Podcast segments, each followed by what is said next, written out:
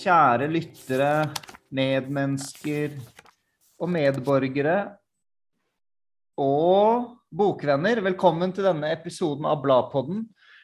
Eh, Blad var ute med en ganske, en ganske raffinert utgave her om dagen om poesi. Og det er det vi skal ta tak i i dag. Velkommen til deg, Priya Baines, tidsskriftsredaktør for det nye startede tidsskriftet Abiviakti, som betyr eksistens på sanskrit, og poet, debuterende poet i år. Velkommen til deg. Takk. Velkommen til deg, Sindre Ekerheim, poet, kritiker og tidsskriftsredaktør for det nystartede nettstedet og tidsskriftet Krabben poesikritikk. Tusen takk. Og velkommen til deg, Roskva Koritsinski, forfatter og tidsskriftsredaktør for filmtidsskriftet Montasj. Velkommen. Tusen takk. du har ikke noe god lyd, Roska. Men det får vi bare leve med. Og Eirin, eh, vi lette jo land og strand. Vi sa at denne gangen skal vi bare ha tidsskriftsredaktører med i vår episode. Og vi klarte det til slutt.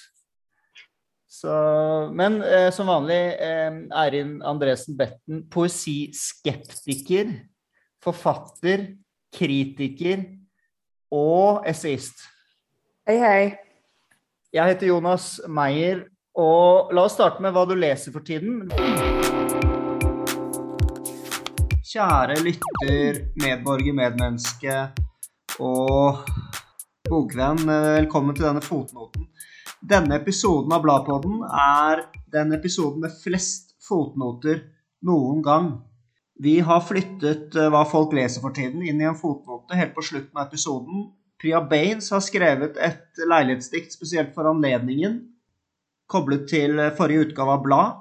Det er puttet inn i en fotnote, og spalten til eh, Eirin Andresen Betten er også flyttet inn i en fotnote fordi vi glemte det da vi tok opp. Det vil kanskje også komme flere fotnoter underveis, så bare nyt det, for eh, jeg tror nok du, kjære lytter, er som meg, at det er i fotnoten du føler deg mest fri, mest levende og minst tynget av tyngden. Vi er samlet her i dag for å snakke om poesi. Og eh, annet var det en ankett i forrige blad hvor de fikk noen kritikere til å uttale seg. Sindre var ikke en av de fem, men jeg har samlet noen sitater. Fordi eh, spørsmålet er, er er kritikerne redde for poesien. En kritiker sier poesien er vanskelig å håndtere. En annen sier som kritiker er jeg livredd poesien. En tredje sier jeg frykter poesien. Og en fjerde sier jeg tror jeg bare er lat og lite raus, for poesien krever så masse. Her har jeg selvfølgelig tatt ut uh, de, de, mest uh, bitende sitatene, men jeg har lyst til å høre deres respons på dette. Hva tenker dere om, om disse sitatene fra ja, markante kritikere i Norge i dag? Her er ordet fritt, og man kan bare ta ordet hvis man har noe på hjertet. Ja. Uh, nei, for det første så kan man vel kanskje berømme dem for ærlighet på en eller annen måte. Altså, jeg syns det er bedre at man sier det som det er, enn at man prøver å uh, få det til å høres fint ut. Uh, men når det er sagt, så syns jeg jo at det er veldig det er veldig synd, fordi ja, som du sier, noen av disse kritikerne er jo de kanskje mest leste kritikerne, litteraturkritikerne i Norge. Og jeg syns det er trist, det er kanskje voldsomt, men jo, jeg syns det er trist at uh, de som på en måte bruker så mye av livet sitt på å lese og på å orientere seg i litteraturen, har det forholdet til poesi, da. Det, det syns jeg er synd. Eh, og jeg merker at jeg blir litt sånn pessimistisk eh, når jeg leser den, eh, de svarene som ble gitt. Mm. Ja, deler dere ja. Jeg tenker at det, det kommer vi sikkert inn på senere i samtalen, da, men jeg tenker at veldig mye lyrikk, i hvert fall. Nå finnes det selvfølgelig både god og dårlig lyrikk, som det gjør med all annen litteratur, men, uh, men at det er en sånn helt spesifikk del av den menneskelige erfaringen da, som kommer til uttrykk i lyrikken. Og at så mange kritikere føler at det er uvedkommende for dem. Eh, eh, det det syns jeg sier noe om ja, kanskje ikke tida vi lever i, men kulturen vår generelt. da, Og Mm. hvordan vi forholder oss til menneskelivet, for å si det litt stort. Sindre, du hadde en kommentar. Ja da, altså jeg, eh, jeg tenker liksom Ja, de kan, eh, de kan De kan gjerne si det de sier, på en måte, og om det er ærlig eller ikke, det er, det er liksom Ja, det, det er òg liksom én ting, men eh, jeg syns på en måte at de at de liksom reproduserer liksom kjente seie- seiemåter og, og liksom oppfatning av lyrikken. Og, og så kunne en jo, hvis en ville være litt frekk, si at de prøver å være på lag med det de tror liksom er den allmenne oppfatningen. Og det er jo ikke sånn at en trenger å innta en eh, liksom ydmyk holdning eh, til eller opphøye lyrikken. Eh, Men jeg tenker hvis en er en profesjonell leser eller litteraturarbeider, så bør en kanskje ha et eh, likt prinsipp for alle tekstene en- leser. altså det vil si at en lytter til dem. Eh, og du kan, hvis man skal være litt sånn streng, så kan vi, at, kan vi jo si at de fraskriver seg ansvaret som profesjonelle lesere. tenker jeg. Altså, kan jeg tenke hvis jeg er streng, altså, men det er jo eh, Jeg tenker liksom eh, På en annen side så ja, det kan jo være fruktbart at, de, at den oppfatningen òg liksom eh, eh, kommer til orde. Altså, eller de oppfatningene kommer til orde. Og så, så kan, jeg, jo, jeg tenker jo ofte litt eh, Så lurer jeg på liksom om det, om det er noe sånn mm, som henger, henger sammen med klasse, dette. For eh, altså, hvis du tenker at litteraturkritikerne de, de hører jo til middelklassen, ikke sant. Og, og, og, og, jeg tenker liksom eh, Og det å være, være liksom litt konform eller litt fordomsfull over lyrikksjangeren, det, det kan jo henge sammen med sånne ting. fordi at jeg tror jo det at hvis man, hvis man eh, liksom gjør et lite tankeeksperiment og tenker at uh, det finnes et hierarki, da, ikke sant? og det finnes en topp og en, det finnes en bunn i dette hierarkiet, så er jo de som er nederst, på en måte De vil jo ha, vil jo ha en språkerfaring som dekker hele på en måte hierarkiet. De lytter jo. Altså, de lytter jo etter språket. Mens de, de som er øverst, de har jo ingen De har jo ikke noe De trenger jo ikke det. på en måte. Altså, de trenger ikke lytte etter valører i språket. Hvem, hvem er det som er Men for de som er nederst, så er det kanskje det viktigste. Hvem er nederst? Ja, hvem er det? Nå, nå har jo jeg bare liksom Jeg har bare lagd dette en, en, et slags eh, en, en tanke. Men hvem er nederst? Det Det var fint. Det hørtes litt ut som Bergprekenen, nesten. Ja, ja, det gjorde kanskje det. Ja, ja. Men, men eh, tenker du på Du sa klasse, altså tenker du eh, økonomisk klasse, eller hva? Ja, eh, økonomisk klasse, ja. Det er jo fortrinnsvis det klassebegrepet omfatter, da, sånn tradisjonelt sett. Da. Ja. Men det er jo nok sikkert mange som syns at dette er gammel tale, da. Men, Ja, la oss høre, men- Som ikke. Priya, hva, tenk, hva tenkte du? Um, altså, når jeg leste den artikkelen, så ble jeg liksom sittende igjen med sånn Hva er egentlig poesi? Eh. Ja. Fordi jeg begynte å tenke på hva skjer Ok, greit, vi, vi er redd for poesien. Jeg syns også det er fint at det blir sagt, for det kan merkes. I hvert fall som debutant. Så når jeg har kommunisert med mitt forlag, så er det jo på en måte noen navn som nevnes som er potensielle til å anmelde boka, og det er ikke sånn kjempemange. Når det ikke er så mange, så er jo mangfoldet blant dem også ikke så stort. Um, så det er jo liksom en samtale vi har hatt. Og så leste jeg det her, og så tenkte jeg liksom Men hva skjer når de her kritikerne anmelder en roman da, som er kjempepoetisk? Hva skjer når de leser Sara Stridsberg f.eks., eller f.eks. 'Mine menn' da, Victoria Kielland, som jeg også vil si at det er en veldig poetisk roman, hva er det som er det fryktinngytende, da? Den poetiske logikken finnes jo også i andre typer tekster, og kanskje med hybridtekster, så jeg satt liksom igjen med egentlig litt flere konfronterende spørsmål til den gruppa her. Mm. Mm. Mm. Sindre?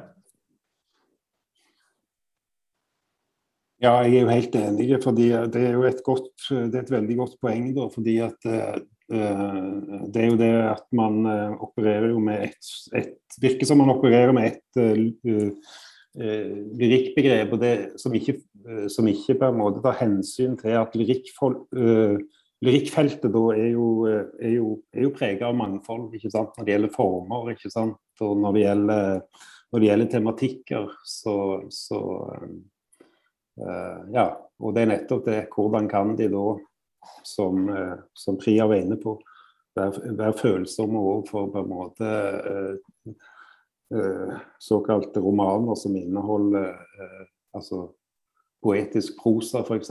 Eller som Ja, det, det, er jo mange Ja, jeg har veldig godt poeng. Ja, syns jeg, da. Jeg vil følge opp litt det Priya sa. Um, for det jeg stussa litt nå når jeg leste den her. Jeg har en sånn liten kommentar her. Jeg har til og med bare skrevet 'tull' på et eller annet tidspunkt der. Um, men for det er jo er, Hvis det er noe som er vanskelig, det betyr jo ikke Er det slik at hvis det er vanskelig, så hvis noe er vanskelig, så må vi bruke tid på det. Sant? Det krever at du leser noe på nytt og på nytt og på nytt. Si at du får ei, ei diktsamling, og det, den er en tjukk diktsamling, ja. Og det er ikke en, en narrativ, det er masse uavhengige dikt. Eh, det betyr òg at det er veldig vanlig, også Noe leses kjapt, noe leses sakte. Du skal lese alt etter hverandre. Du kan flytte fram og tilbake.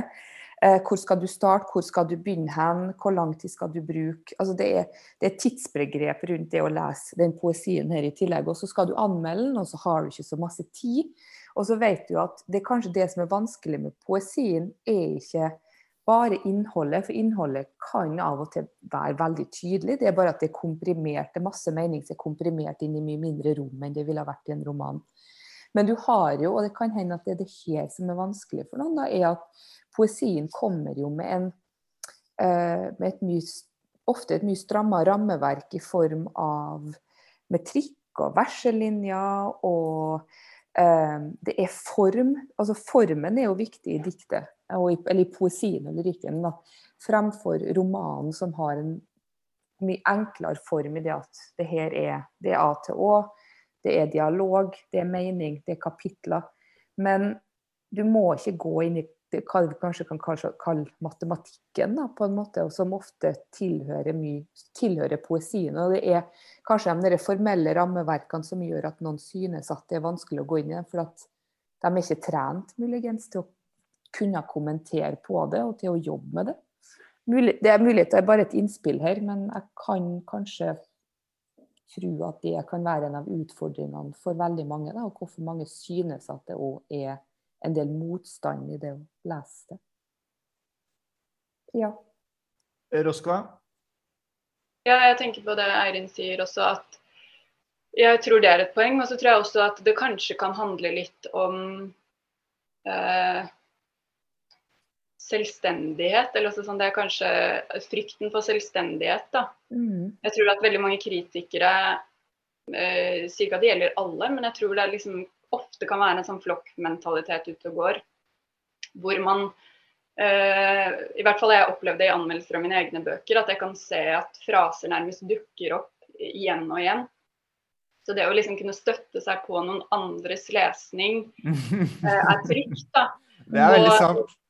Og en del litt sånn enklere romaner som dere sier, kan jo også på en måte være veldig tett opp mot lyrikken. Men kanskje liksom den typiske norske samtidsromanen da, eh, er veldig mye tydeligere kommuniserende rundt hva den eh, vil og gjør og alle de tingene mm. der. Så man kan på en måte gå inn i en lesning og stole litt på at det man henter ut, kommer til å ligne på noe som andre umiddelbart vil kjenne igjen og si ja, sånn opplevde jeg det også.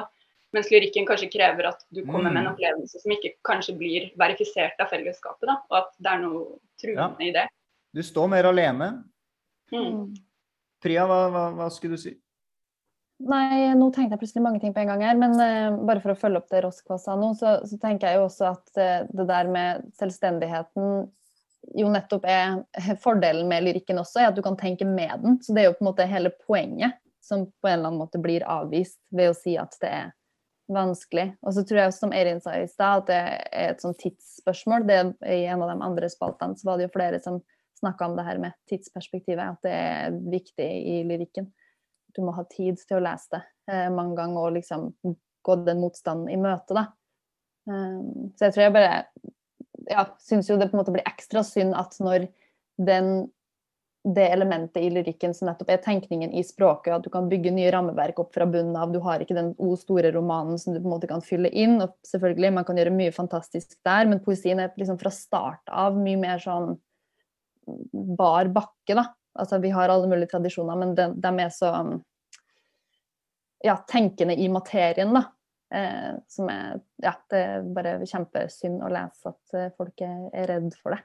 Jeg syns jo det med tid er kanskje noe av det fineste med lyrikken. At du kan Du får lov til å lese det lille tekststykket gang på gang på gang på gang, og så får du lov til å sitte litt med det, og så får du lov til å lese det på nytt igjen og på nytt igjen. Ut, for en roman har jo et, annet, total, et helt annet tidsperspektiv. Sant? Det er vanskelig å bare plukke opp et kapittel og lese det på nytt igjen, selv om du selvfølgelig kan gjøre det òg, men det er et eller annet med at skal, den skal leses fra start til slutt. Da. Og det med lyrikken, du finner jo ofte i samlinga ting du liker og ting du ikke liker, og så leser du dem du liker på nytt og på nytt. Og det er jo det som er veldig fint da, med det. Jeg fantaserer litt om at um, Blad skulle spurt meg om jeg var redd for poesien. Du kan da snakke om det i spalta di, Jonas. Ja.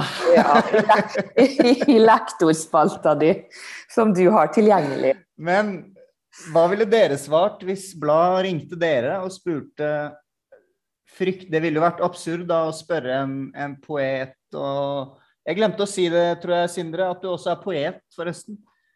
Um, mm. men hva ville dere svart? Nå kan dere få sjansen på sparken og ringer den tabloide journalisten. Og ja, dette er Even Teistung som ringer fra Blad. Er du redd for poesi, eller? Uh, ja. Eh, Priya, eksempel? Uh, nei, det hadde vært veldig rart hvis jeg svarte at jeg var redd for poesien, tenker jeg. Jeg tror kanskje jeg tidvis har vært uh, redd nei, du må, for du må, du må svare. Du kan, ikke, du kan ikke vri deg unna. Nei da, jeg skal bare gå en liten omvei okay, okay. eh, og si at eh, da jeg begynte på Skrivekunstakademiet for en fem år siden, da var jeg nok veldig redd for eh, litteraturhistorien i det hele tatt, og spesielt poesihistorien. Eh, ja, interessant. Mm, det tror jeg nok jeg, jeg var. Eh, fordi det er så mange tradisjoner. Men det tror jeg handler mer om å være redd for det der intellektuelle, store bagasjen og ja, ja. føle seg underlegen. Men det kan tangere kanskje et eller annet likevel, det, altså, i den her kritikksnakken. Ja. Men eh, nei, per dags dato er jeg ikke redd for poesien. Sindre, hva ville du svart?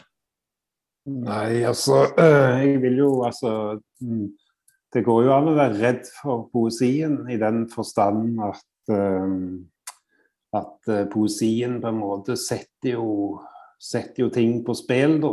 Altså du risikerer ting med kanskje å, å lese. Altså, og liksom utsette hele organismen på en måte for en, en, en eh, poetisk opplevelse. Fordi at eh, det er jo Altså poesien eh, en, I forhold til mange andre sjangre så har jo den veldig god plass til leseren. Da. Sånn at eh, på det nivået så går det jo an å frykte poesien, eller at du kan ja. bli redd for det du kommer i kontakt med. Men, eh, men hvis du tenker som sjanger, så tenker jeg at eh, at, eh, så tenker jeg at jeg har tillit til poesien. Eh, og, og derfor er jeg ikke redd den. Altså som verken Og egentlig Og jeg er heller egentlig ikke redd for å, å gjøre feil med poesien, på en måte. Altså jeg eh, Ja. Så ja. Mm. Det får Ja. Ja, det slo meg at uh, den frykten noen av kritikerne gir uttrykk for, kan også være et um, Altså si noe at det er noe stort, det er noen muligheter i poesien som faktisk har evnen til å skremme. Hva ville du svart, mm. Roskva? Nei, er det så mye mer å si? Uh, OK, Nei, ja, du, må, du, du trenger ikke. jeg kan prøve å si noe. Uh, Nei, men men jeg, jeg, jeg har forberedt et litt sånn klingende eh, snappy svar. ja, men da kan du komme med det snappy svaret. Du solgte det inn nå, så OK. Ja, ok, greit. Det jeg ville svart, eh, ville jeg sagt, ikke sant Hvem vil være Even Peistung her? Jeg være Even. OK. Ja. ja, Jonas. Er du redd for poesien? Nei. Hallo? Jeg spiser poesi til frokost. Kjære lytter, velkommen til denne fotnoten. Mitt navn er Tia Baines. Eh, og i anledning denne poesispesialen så har jeg rett og slett skrevet dikt som er en slags eh, remix av det her nummeret av Blad. Så da går jeg bare i gang med å lese det diktet. Jeg frykter poesien. Det er så langt mellom ordene. Jeg har så mange spørsmål. Skal det ikke henge sammen? Skal jeg dikte med? Er det noe her jeg burde ha forstått? Jeg er i villrede. Hvorfor må diktene være så innadvendte, så tilgjorte, så påtatt vanskelige, så alvorlige? Jeg er så redd for det abstrakte. Stemninger, bilder, klanger. Når jeg hører ordet poesi, tenker jeg maktesløshet. Jeg er så redd for det abstrakte. Gi meg et sted, gi meg kjøttfulle mennesker, historisk kontekst. Jeg er for cerebral for opptatt av forståelse. Jeg er så redd for det abstrakte. Nei, det handler om at poesien er nådeløs, poesien vil ikke ha meg. Poesien trekker på skuldrene, poesien oppfører seg litt teit. Beveger seg langsomt gjennom rommet med hodet heva. Noen må sette poesien på plass. Hvem tror du egentlig at du er? Hvorfor snakker du ikke i fullstendige setninger? Nei, det er fordi poesien fort blir så personlig. Jeg vil ikke snakke om det. Eller kanskje bruker jeg bare for lite tid på poesien. Men jeg har i hvert fall fått med meg at Cecilie Løveid, hun er en poetisk poet. Folk tror poesien er vanskelig, men tingen er at det er greit å bare bli rørt. Det er greit å la poesien snakke til følelsene. For det er ikke en metode å gjøre diktet vanskelig. Diktets oppgave er å holde leseren fast i det fremmede. Diktets oppgave er Diktets oppgave er Diktets oppgave er å holde oss lengre i det ugjenkjennelige. Diktets oppgave er å holde oss lengre i det ugjenkjennelige. Poesien er vanskelig fordi du skal inn i et uvant område av oppmerksomheten. Poesien stiller krav. Den krever innlevelse, altså noe em- emosjonelt. Følsomhet, åpenhet, tålmodighet, sårbarhet. Diktet aktiverer hele organismen til leseren. Intellektet, følelsene, intuisjonen, kunnskapene, minnene, musklene, nervesystemet. For det å bli beveget er nettopp forståelse. Vi må forstå poesi slik vi forstår en symfoni. Lyden av regn, et spedbarn som gråter. Noe beveger seg i oss, åpner seg i oss, skaper forandring i oss. En plutselig himmel brer seg over arket, som om noen kommer inn i rommet med klare øyne. For poesien er ikke søtladen ettertenksomhet, poesien er ikke Instagram. Poesien er ikke. Poesien er ikke. Og diktet krever også et moment, et riktig øyeblikk. Man må ha sovet nok om natten, ikke være for opptatt av dagens dont. Prøve å se for seg hva som utspiller seg i diktene. Det intuitive og det umiddelbare. Sansningens bevegelse i et dikt. Det interessante og det rare. Poesien konfronterer deg med dine egne fordommer og oppfatninger. Ikke fordi den bevisst angriper deg, men fordi poesien stiller fram plankart til nye verdener. Poesien består av bilder, som ugyldiggjør våre vante kategorier. Poesien er den frieste litterære sjangeren. Diktet kan være uendelig komplekst.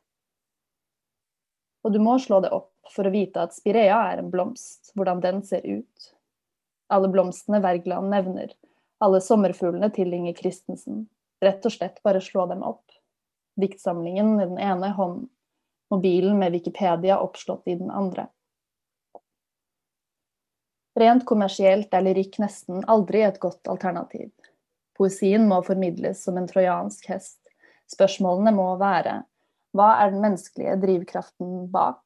Hvorfor måtte du skrive denne boka? Og det er kanskje billige presseknep, privatliv, drama, smerte. Men det er også det stoffet diktsamlinger er vevet av. Lyrikken tilnærmer seg verden gjennom sansning, ikke begreper. Å lese handler om å gi seg hen til en naiv uskyld og legge verden bak seg. Å lese er som et slags syn, å bli oppslukt, gjøre seg uvitende og gå all in slik barnet gjør. Vi må forstå poesi slik vi forstår en symfoni. Lyden av regn. Et spedbarn som gråter. Noe beveger seg i oss, åpner seg i oss, skaper forandring i oss. En plutselig himmel brer seg over arket. Som om noen kommer inn i rommet med klare øyne.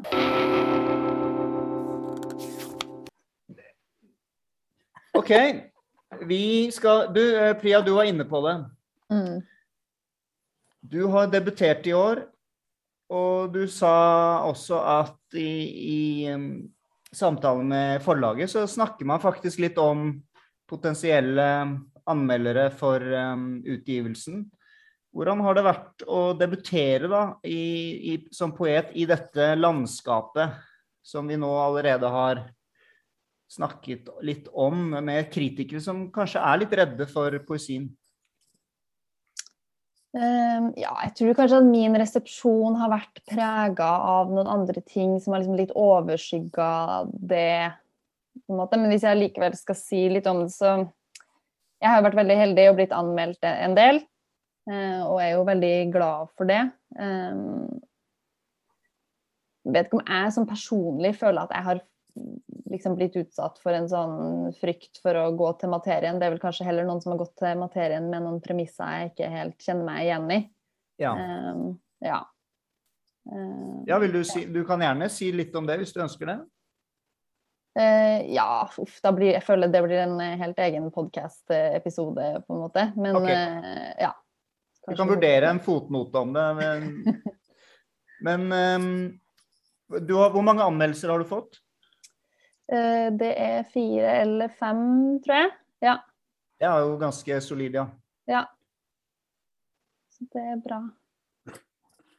Men syns du at um, Men du syns ikke at um, Altså, hva er det jeg skal spørre om nå, egentlig? Altså, Kritikere som er redde, er det Det er ikke noe du har merket til? Det har mer vært andre premisser, sier du, som, um, som har irritert deg, eller som, som du ikke har vært helt enig i, eller i Ja, og det går jo mer på den her minoritetsposisjonen, at jeg så blir sammenligna med Yahya Hassan f.eks. Og jeg og Yahya Hassan har jo minimalt til felles både identitetsmessig og sånn stilistisk sett. Så det, det tenker jeg på en måte ikke handler så mye om å være, om å være redd, men det handler kanskje om en sånn eh, altså, Da tenker jeg at man ikke har gått helt inn i materien, da, som kanskje jo tangerer litt av den frykten.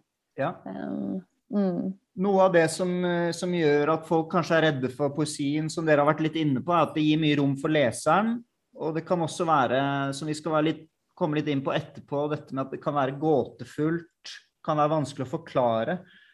Um, hvordan er det i din poesi, Priya? Hvor viktig er det for deg? Kan du forklare dine egne dikt, f.eks.?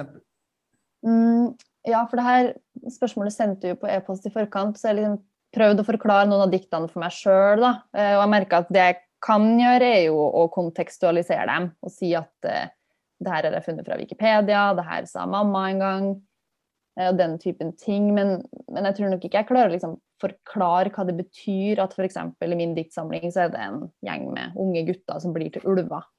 Jeg har ikke en sånn én-til-én-forklaring på hva det betyr.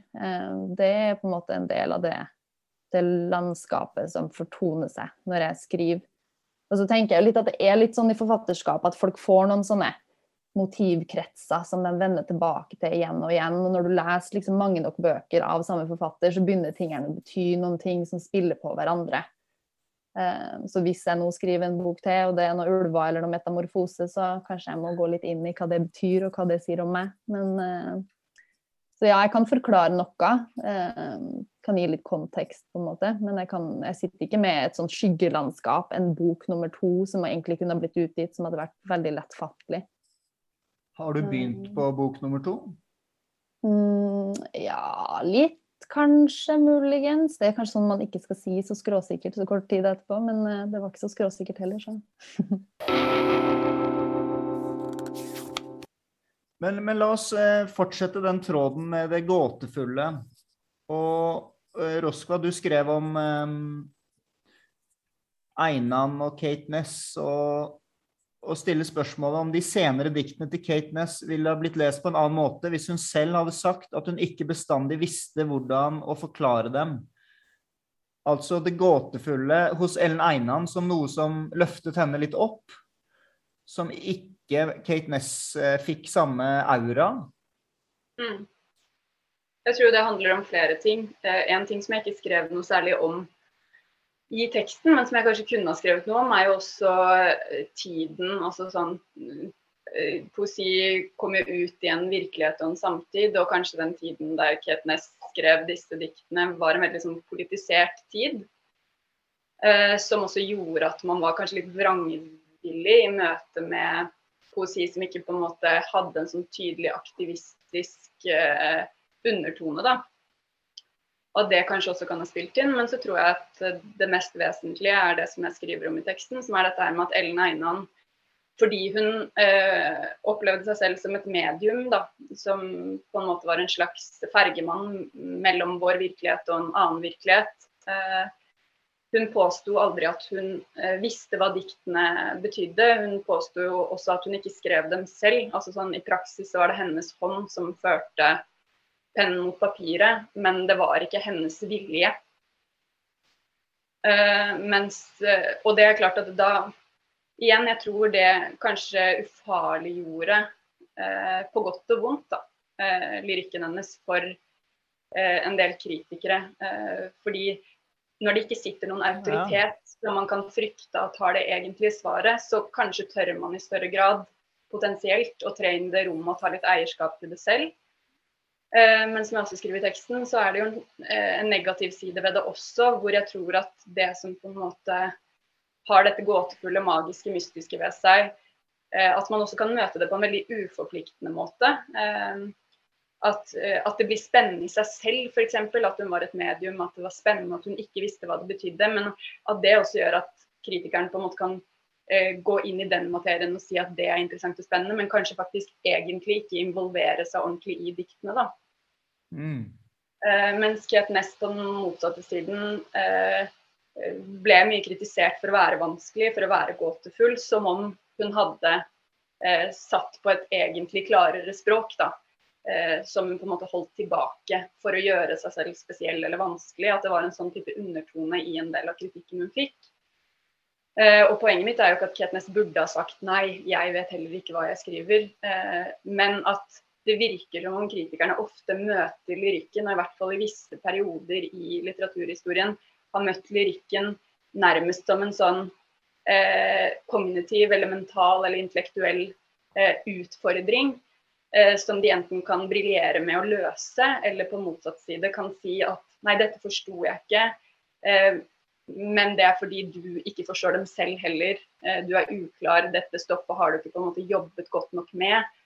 Eh, så det finnes på en måte både negative og positive aspekter ved begge de innfallsvinklene. Du kan si Ellen Einan kanskje fikk en varmere velkomst, men samtidig så var det også noe veldig uforpliktende ved det at det ble sett på som rart og spennende. Eh, mens diktene jo har en sånn veldig menneskelig dimensjon, da, følelsesmessig dimensjon, som, som jeg tror at liksom kritikerne kunne med fordel ha gått liksom, mer følelsesmessig inn i eh, og prøvd å utforske, da, istedenfor å bare kategorisere det som noe sånn spennende og fint som vi setter opp på hylla sammen med alle de andre rare tingene. på en måte. Mm. I, I, resepsjonen av eh, din eh, samling, Priya, har det vært eh, noe du har tenkt over at, at kritikerne liksom har prøvd å briljere som Roscoe nevnte, slik de møtte Kate Ness, som at det er liksom noe de har um, De skal løse hvorfor du har skrevet, eller uh, din intensjon, osv.? Um, ja, det er vel noen som har henfalt litt til den derre Det her er en historie om andregenerasjons innvandreren som prøver å frigjøre seg fra sin fryktelige patriarkalske familie. Fordi det er det narrativet vi har. Um, så, så føler jeg at det har vært liksom cop-out, kanskje, i min mottagelse. At det er mange som har gått dit. Og så er det en del som uh, jeg tenker at har altså Min diktsamling er jo veldig kaotisk på mange måter. Den er myldrete, det er mange stemmer. så Det premisset tror jeg også kanskje frigjør meg litt fra at man skal putte alt inn i alle mulige bokser, fordi det skal på en måte være kaotisk. Så, så det er liksom de to retningene jeg kanskje ser da, i min mottakelse. Ja. Jeg la merke til at både du og Sindre nikker uh, intenst når Roskva snakket i sted. Ja, jeg nikka i hvert fall veldig til det der med følelser. Og jeg, jeg tenker det her med sånn en emosjonell lesning er noe man kanskje kunne snakka eh, mer om. Um, at når eh, du nevnte det her med Nå blander jeg uh, Kate Ness og Ellen Eiland sin resepsjon her, men, men der, der, det kan bli avskrevet, det var Ellen Einan. At hvis, uh, hvis Siden hun er mediumet, så kan man tenke at man ikke trenger å forstå det fordi det ikke er noe å forstå.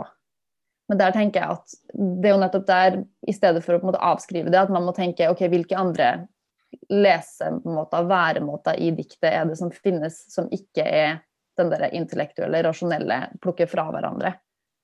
Uh, ja, så jeg, liksom, jeg tror ikke jeg har en sånn fullstendig artikulert tanke rundt det. Men, men når jeg tenkte på det i forkant av denne podkasten, så tenkte jeg på første gang jeg leste 'Alfabet' av Inger Christensen, som jeg regner med sikkert mange av dere har lest. Um, og at før jeg hadde fått liksom, den diktsamlinga kontekstualisert og visst liksom, hva tematikken var, og hadde lest hele, så allerede fra første side så ble jeg helt slått av 'aprikostrærne finnes', 'aprikostrærne finnes'. Og det, det var et emosjonelt møte.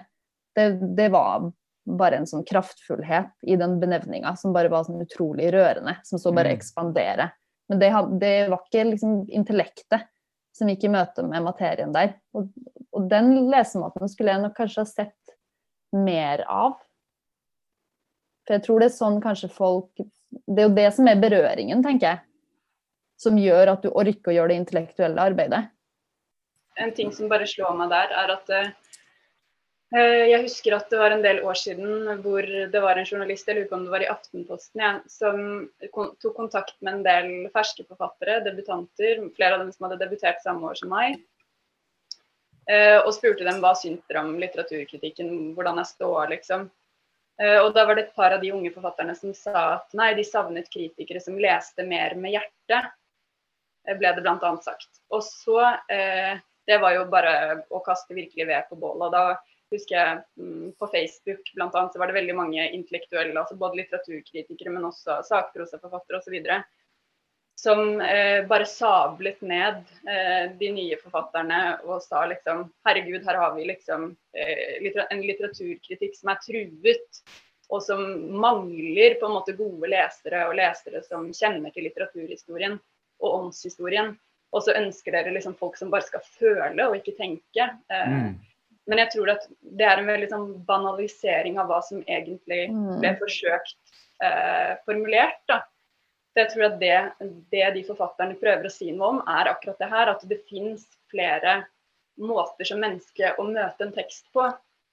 Eh, og følelsene våre er like komplekse som intellektet vårt er, men vi er veldig vant til å tenke på følelser som enkle og, og intellekt som komplisert. Uh, mens eh, altså den biologiske organismen vi er, altså kroppen, følelsene, sansene, er jo et uhyre komplekst system.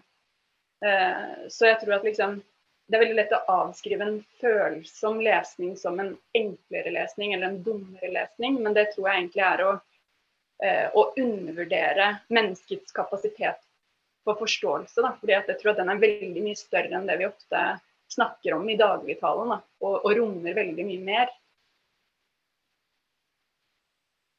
Sindre? Ja, jeg tenker jo òg at man, man, leser med hele organismen, på en måte. Altså alt det som det innebærer. Og, og jeg, jeg, tenker liksom det, det er brukt det der uttrykket 'det gåtefulle' her uh, i disse spørsmålene. og jeg, jeg vet ikke om det er positivt eller negativt, fordi det kan jo være en fare òg å plassere liksom ting inn i det gåtefulle. Eh, i, den forstand at det blir en sånn alt vi ikke forstår-kategori. Altså uten at en prøver å trenge lenger inn i det tilsynelatende gåtefulle.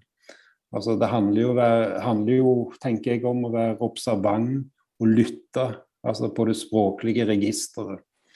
Og, og, jeg tenker Det gåtefulle det kan jo være Er det det samme som noe som er underliggjort eller framant i en tekst? Og det, jeg tenker liksom, det gåtefulle det er jo så sterkt. Det ble jo nevnt, Folk snakket jo om mystikk her tidligere, men det er jo så sterkt knytta til mystikk, på en måte. Eh, det gåtefulle. Um, men vi kunne jo likså godt ha snakket om et, liksom et, et, et godt og liksom originalt språkbilde. ikke sant? Kan jo, du kan jo ikke uttømme et, eh, et godt bilde heller gjennom en uh, analytisk tilnærming. Og så får jeg det tenker at Det gåtefulle da, hvis, kan, hvis, vi setter det opp, det kan jo bli ei grense som vi ikke kan stige over, liksom. Eh, så, men på den annen side så kan òg det begrepet om, om, om, det gåtefulle, da, det kan jo òg eh, eh, Det kan jo nettopp invitere til at ja, dette diktet, det er, det er en rebus. Dette går opp. Hvis du bare finner liksom Ja. Og det stemmer jo heller ikke med et dikt, ikke sant? fordi at det er jo stadig det skjer jo stadig nye ting i et dikt. Eh, og, og, og det gåtefulle òg eh, Vi kan jo risikere at leseren blir, blir liksom satt på utsida av diktet.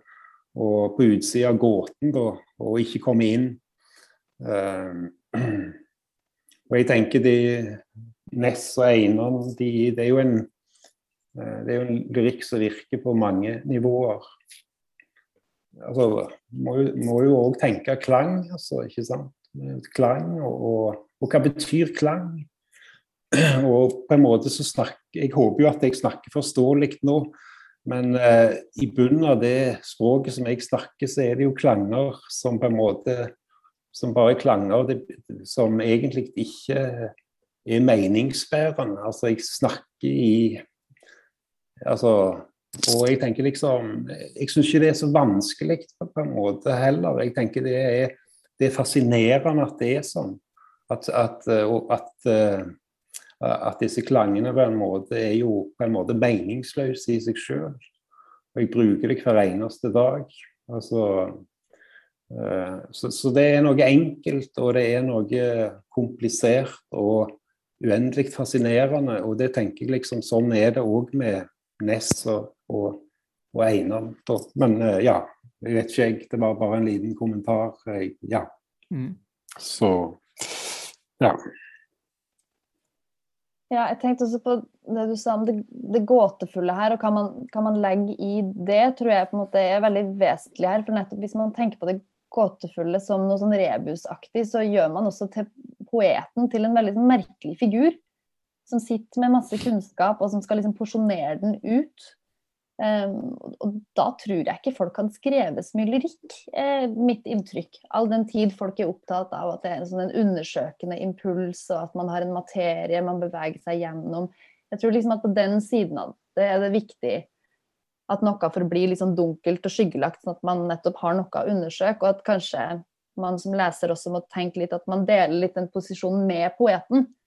Og ikke at poeten sitter og liksom har en eller annen stor kunnskap og et, sånt, et rett svar, da. Um, ja. Jeg får lyst til å sitere Markusevangeliet, hvor Jesus Ja, tommel opp.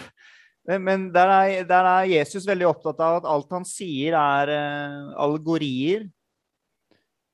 Fordi uh, Og det er, det er, veldig mystisk forklaring, men det er, det er sånn at det er fordi at de som hører, ikke jeg, jeg, burde lest det, men det er akkurat som man ikke vil at folk skal forstå, fordi da skal de forstå det på en dypere måte, eller det er noe i den duren.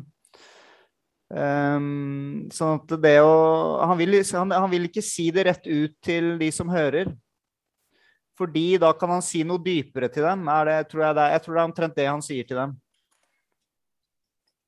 Ja, uh, uten at jeg har så peiling på Markusevangeliet, så, så tenker jeg på Når du sier det, så tenker jeg på eh, en del av den lyrikken som vi snakker om som gåtefull. Altså Paul Celan, kanskje det tydeligste. Det er et godt eksempel.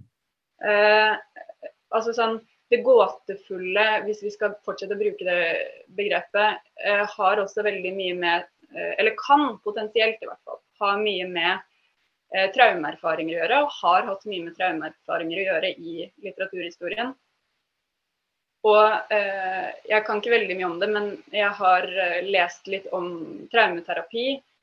Og sånn som jeg har forstått det, så er liksom av en av de innsiktene man har kommet fram til, og som man bruker mer og mer i traumeterapi, er at vanlig samtaleterapi ikke nødvendigvis løser opp traumene. Fordi traumer er et helt kroppslig, språkløst anliggende. Enten fordi du har fått dem som barn før du hadde et språk, eh, eller fordi opplevelsene er av en sånn type karakter Nå mjauer katten min i bakgrunnen, jeg beklager det. Men, eh, fordi opplevelsene er av en sånn type karakter at Eh, det treffer systemet vårt, organismen vi er, på en annen måte enn mer, liksom, det mer kommuniserende språket når ikke inn da, til traumeerfaringen. Eh, og at man i traumeterapi, ofte for å få løst opp traumene i kroppen på eh, pasienten, ikke kan benytte seg av klassisk psykoanalyse f.eks. eller samtaleterapi, men man må inn til et emosjonelt sted. Og ofte viser pasientene når de nærmer seg traumene, så uttrykker det seg ikke i fortellinger, de uttrykker seg i symboler og i bilder de ikke kan forklare. Jeg syns det er veldig interessant eh, sett opp mot litteraturhistorien da, at, eh, at, en person som ikke er en poet, men bare har en ekstremt traumatisk erfaring på eh, terapibenken, kanskje vil begynne å uttrykke seg på det vi tenker på som en gåtefull, poetisk måte som hun eller han selv ikke forstår hva er. Og jeg tenker at Det sier noe kanskje også om hva det er som møter oss som lesere, f.eks. av Paul Celan, hvor vi kanskje ikke kan oversette det til et mer kommuniserende eh, samarbeidsspråk, eh, men allikevel kjenner at det har noe med livene våre å gjøre. Da. Eh, at det sier noe om hvordan organismen vår håndterer erfaringer. Eh, og at det fins veldig mange erfaringer, tilstander, som har veldig lite med det språket vi er vant til å bruke og gjøre. Eh, og at det er liksom et sentralt poeng også, da. Mm. Jeg kom til å tenke på um, Jeg hadde um, et kurs på Forfatterskolen i København med ei som heter Birgit Bundesen, som er både litteraturviter og psykiater, tror jeg. Eh, og det forløpet handla om det poetiske språket og det psykotiske språket. Der vi rett og slett så på sånne transkripsjoner av psykoser, ting folk har sagt, og så leste vi dikt av Hölderlin ved siden av. Eh, og det var helt fascinerende hvor mange likheter i, i logikken. da. Det oppbrutte og det spontane og det billeddannende og det emosjonelle. Eh, som var veldig sånn øyeåpnende.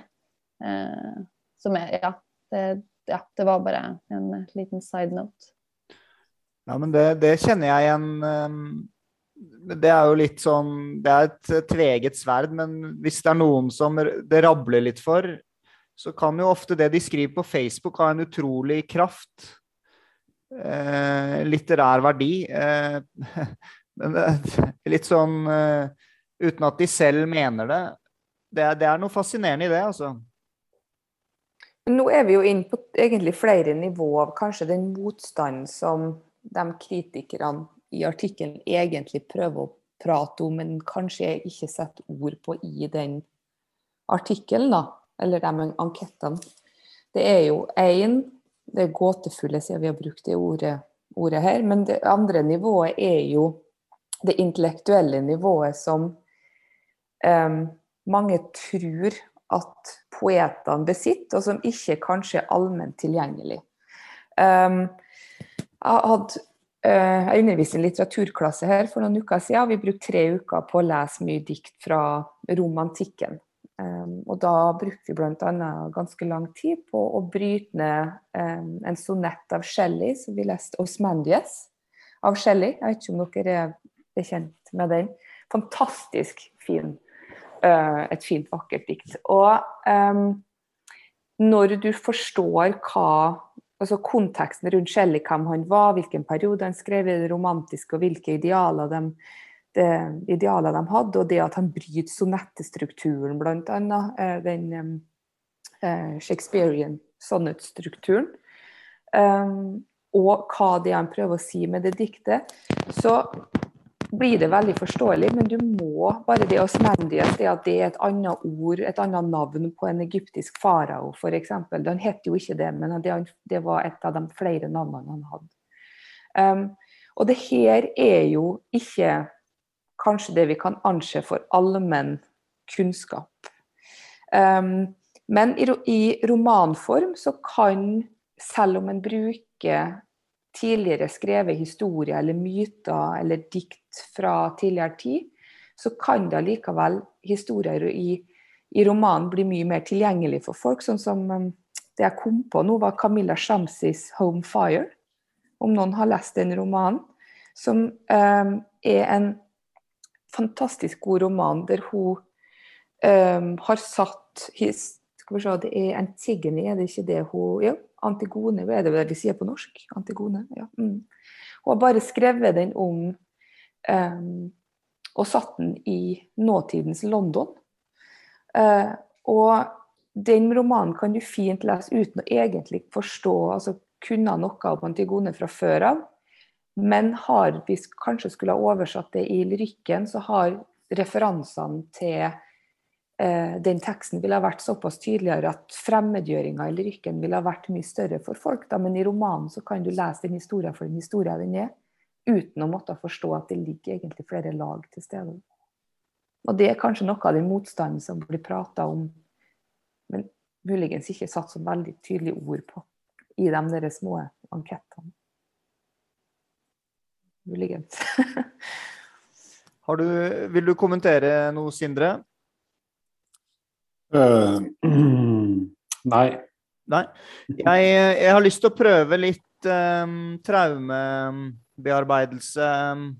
Det du, sa, det du snakket om, Roskva, med traumer.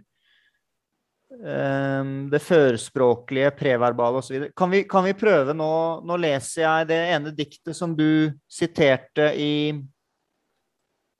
i teksten din, av Ellen Einan. Vi, vi, vi, skal ikke snakke om våre egne traumer, det er ikke det som er poenget. Men jeg vil bare høre deres respons på diktet. Uh, OK? Det er tre strofer. Jeg, leser, jeg bare leser det. Ensomme barn i åndehagene, kornhustruen bøyd. Ja, nu skal du få danse, engsøster, kom med døgnfluens drakt. Jeg lengter etter båndet som bandt morshuden til min. Jeg ville vært der inne. Skadd er jeg kommet til vadestedene. Ja, gråten stilner, mors bugnende bryst kom tomt til min munn, og løsfangen sto redd ved min kalde vugge. Den store far gravde sommerløk ned i muren.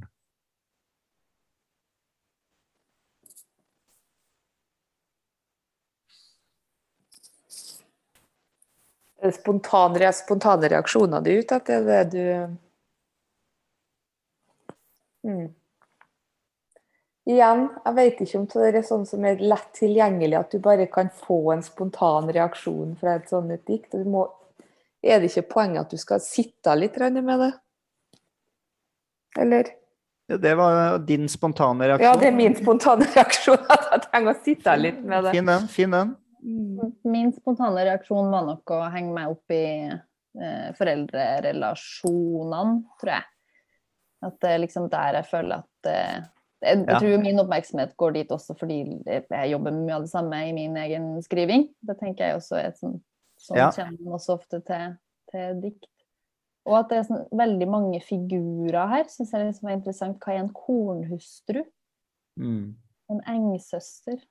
Eh, ja, det er noe med mange roller, og jeg som sliter litt med å posisjonere seg, eller noe sånt. Det er jo veldig vakkert. Mm. Mm. Jeg la også merke til han faren som graver sommerløk. Det var noe litt sånn uh, kom, Hvis det hadde vært en film, da, så ville kanskje komponisten lagd inn noe litt skummelt her på slutten. Du, Jeg En- syns det bare tyder på en distansering. jeg. Han gjør noe helt annet. Det er jo Ja. veldig kroppslig det som foregår mellom mor og barn her, men faren gjør står på utsida, gjør noe annet.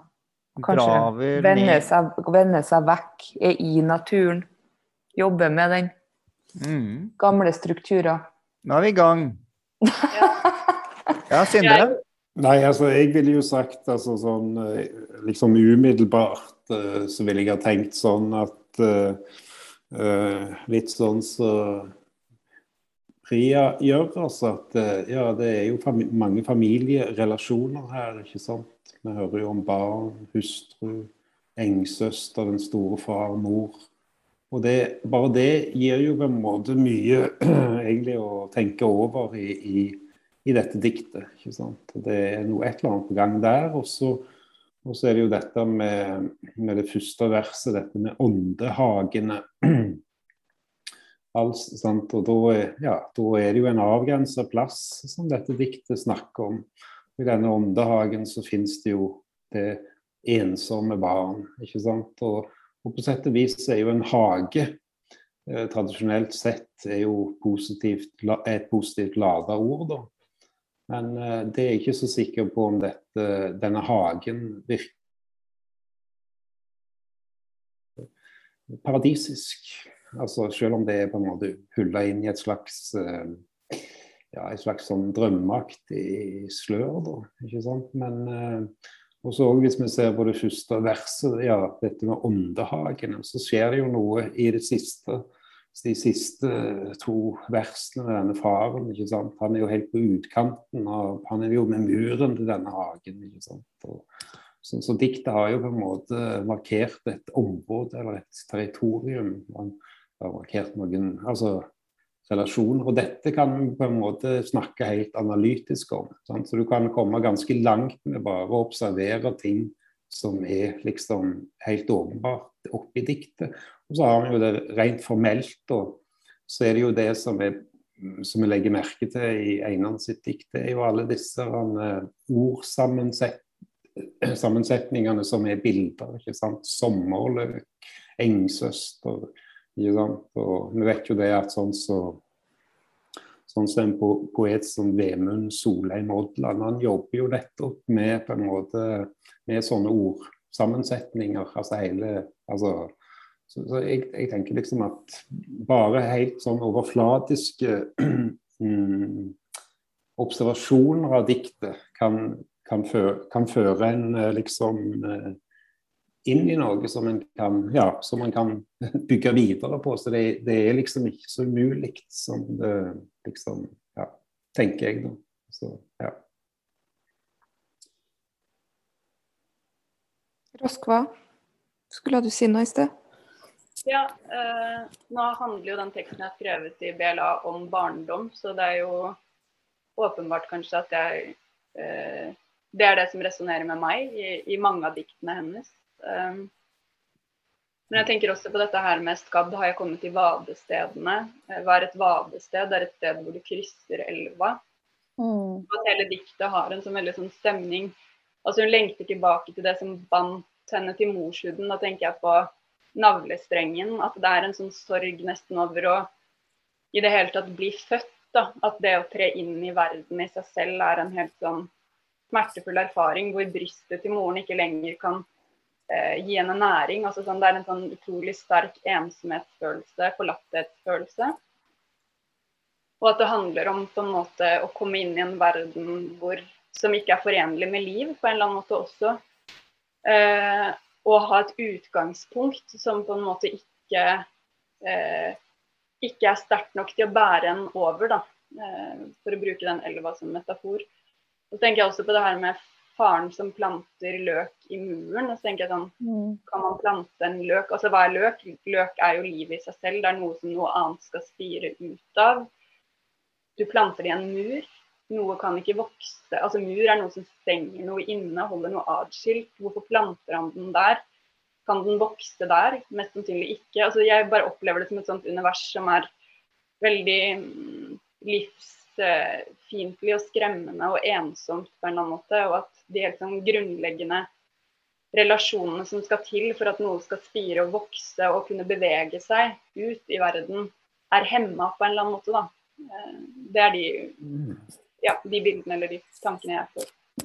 Nå ble jeg eh, litt retraumatisert. Det syns jeg var en flott lesning, eh, Roska. Jeg tenkte på min egen fødsel, holdt jeg på å si. Ja. Nei, men eh, jeg, jeg, jeg, har lyst til å bare si én ting. Jeg syns det er vakkert. Eh, utrolig fine lesninger dere alle kommer med. Eh, det, altså, det, er veld, det, er jo noe veldig givende med denne type samtaler. Jeg har en sånn innvending til, til Ellen Einan som egentlig gjelder mange poeter. og Det er at det er, det, er som, det er, gode dikt, men det er nesten et problem at det er for mange av dem. Altså, alle diktene er ganske bra.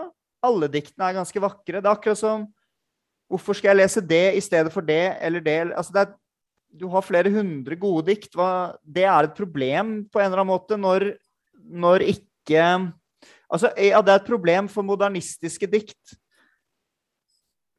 tror jeg. At det blir for mye Det blir, det blir en slags kvantitetsproblem. Kan dere skjønne hva jeg mener med det? Ja, jeg kan skjønne hva du mener. Ja? Samtidig som Altså sånn Hun produserte jo enorme mengder dikt. Eh, og det hadde jo også noe med den metoden hennes å gjøre. At hun eh, Vi snakket jo litt om oppmerksomhet og tid tidligere i samtalen. At man som leser kanskje innlemmes i et sånt felt som poeten også har befunnet seg i, som er et veldig sånn langsomt felt.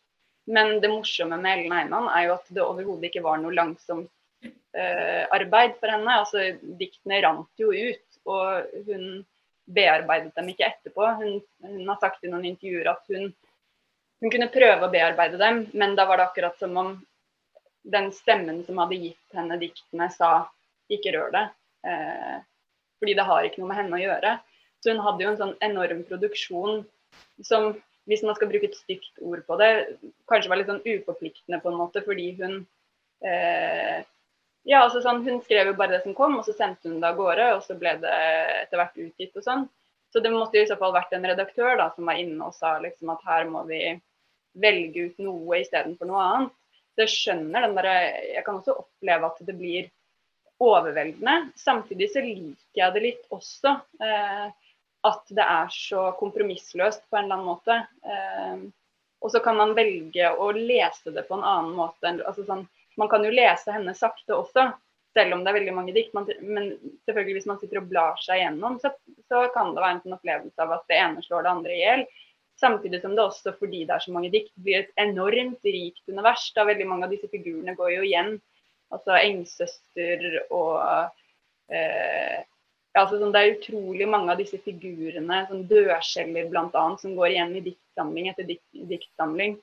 Eh, og det er jo også litt spennende at hun på en måte bare lager et helt Eller ikke lager, men formidler, da. Et helt, sånn, et helt univers eh, som, eh, som kanskje ja, går utover eh, ja, der, du får ikke den der følelsen at noe er kuratert og valgt ut, og her har du bare kirsebærene. Men du får til gjengjeld så får du noe annet, da.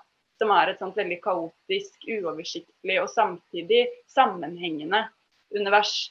Som man bare kan liksom bevege seg rundt i, som verken har noe start eller slutt. Så, så sånn rent litterært så, så, er det kanskje ikke en kvalitet, men, men det er allikevel eh, Det har allikevel noen kvaliteter, da, på en eller annen måte. Mm. Ja, Flott. Jeg, jeg, jeg, tror vi skal eh, litt abrupt nå hoppe litt. Eh, hvis ikke noen vil si noe avsluttende ord om Einan, så har dere muligheten nå. Hvis ikke må dere for alltid tie med det. OK. Jeg har lyst, vi må hoppe litt til, eh, videre nå til Det, det er en i dette Zoom-møtet som har startet et nettsted for poesikritikk. Jeg snakker om Sindre Ekerheim. Ja. Det er jo ganske mm, spesielt å gjøre i disse tider. Ja men, kan, kan, jeg spørre hvorfor?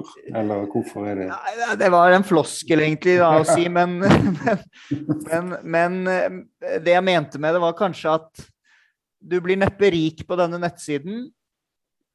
Men, Nei, det stemmer. Det stemmer. Men det er um, samtidig du snakket om en tillit i sted til poesien. Vil du si litt hva er det som driver deg, og hva er det du ønsker å få til her? Nei, altså det, eh, Vi har jo på en måte et litt sånn kanskje ambisiøst mål om å være med og bygge po poesioffentlighet i Norge. Og, og, rett og slett gjennom å publisere poesikritikk som er på en måte gratis og tilgjengelig for alle interesserte. Og, og, og, der liksom man griper fatt i kvalitativt god norsk samtidslyrikk og, og gjendiktninger av utenlandsk poesi til norsk. Og, uh, og du kan si det at uh, Og det er jo viktig, viktig, på en måte å forsøke å gjøre uh, poesikritikken mer relevant. Altså kanskje ut, utvikle poesikritikkens framstillingsformer og skrivemåter altså innenfor visse grenser og, og grunner i, i faglige perspektiv. Eh, men det at eh, vi er jo ikke bare et nettsted sånn sett, fordi at eh, vi, vi, er jo litt opptatt av den uh, munnlige kritikken òg. Ja. Altså det å kunne lytte til kritikk. Og vi tenker at det går an å jobbe med kritikken på mange flater. Eh, altså både skriftlig og muntlig. Men òg så har jo Krabben planer om å ha en del Eh, arrangementer da, ikke sant? som eh, den poesikritiske samtalen er i, i sentrum. Og, er det, eh, digitale arrangementer eller live? Eh, altså... Nei, det, det, er tenkt som fysiske arrangementer, ja. men, som, men som, man, eh, som man da senere kan publisere på Grabben som, som, eh, ja, som lydfiler eller podkaster eller ja. Så, men det ligger jo litt fram i tid. Og så, har, og, og så har vi jo òg en slags idé om at uh, vi skal være til stede på papir òg. Uh, at vi skal lage en årskalender for lyrikter som kommer én gang i året. Og, og, der disse kritikkene som er publisert på Krabben, uh, blir trygt. pluss en del nyskrivne artikler altså, om som har med, med, uh, med poesi å gjøre. det. Ja. Uh, det er iallfall noen. Og, og, det er at vi ønsker jo òg å bruke folk fra, som kommer litt fra ulike steder, på en måte i det, både i litterære systemet, som gjerne står utenfor det litterære systemet, til å skrive. Altså både yngre og eldre, akademikere, etablerte kritikere og poeter. Så, eh, og det, det, er jo viktig på en måte å dyrke fram en variert eh, kritikk på en måte som kan dekke eh, på en måte hele mang, mangfoldet som, som finnes i, i samtidslyrikkfeltet. Og, og det at kritikken på Krabben den, tenkt, den skal jo være utforskende, altså på egne vegne som, som kritikk, men òg på lyrikkens og, men alltid faglig fundert og, og, og, med et siktemål om, å forsøke å gjøre poesikritikken mer relevant. Ja. Det, er dette noe du har gått og tenkt lenge på? Nei. Eller eh, eh, egentlig ikke. Altså, jeg har eh, jeg er jo i kontakt med andre folk, så vi har jo et slags, jeg har jo et, uh, har et slags uh, samarbeid med Ørnen og Kråkan f.eks. Og det svenske Kritikklabbet. Her, her, må du hjelpe meg. Ørnen, hva er det for noe? Ørnen og Kråkan, det er jo et oh, ja, svensk Det er ikke to forskjellige? Ørnen nei, nei. og Kråkan? Ja. Jeg må google det. Det er et svensk ja. poesitidsskrift? Ja. ja. Så... Ah. Så krabben liksom går nede på bakken? Ja. Helt nede, og så er det mm. ørnen og kråkan som svever over. Stemmer det. OK. Så det er et nettverk her av uh... Nei, det er egentlig ikke. Det er veldig løst, altså. Men uh, ja, men vi har noe, vi har noe kontakt og, snakkes og diskuterer ting, så ja. Herlig. Mm, mm. Så Nei, men ja. det, det ønsker jeg deg all mulig lykke med. Det er, det er veldig sånn Det varmer litt eh, når sånne nettsteder dukker opp. og kan man liksom kikke innom fra tid til annen og se hva slags nye tekster som er kommet. Dette med å publisere mm, kritikkene på lyd er jo også et interessant valg. Ja, altså eh, nå er det jo på en måte Jeg tenker at det er nesten litt naturlig når de eh, teknologiske mulighetene er så, er så enkle. Det er så enkelt på en måte. Så ja, så det, det Ja. Det, det burde nesten være selvsagt, men det er òg eh, tenker jo det at det kan jo gjøre at flere folk nytter seg av kritikken. Altså når du har den, den muligheten at du kan høre den òg. Ja. Så, ja. Så ja.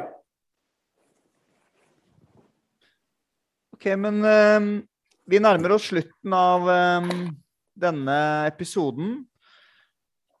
Og jeg har lyst til å sitere Ingrid Nilsen, som også er kritiker i, for Krabben. Stemmer ikke det? Ja, hun er det. Ja. ja.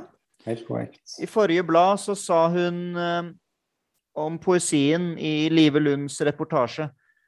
Kanskje jeg ikke har sovet nok om natten, eller er for opptatt av dagens dont, sånn at jeg ikke får konsentrert meg. Det kan også være forfatterskap jeg ser er rike, men som ikke sier så mye til akkurat meg. Sånn sett er det komplekst. Selv når man er profesjonell lyrikkleser, er ikke øvelse nok. Det er mye som spiller inn i hvorvidt en kommer i berøring med et dikt.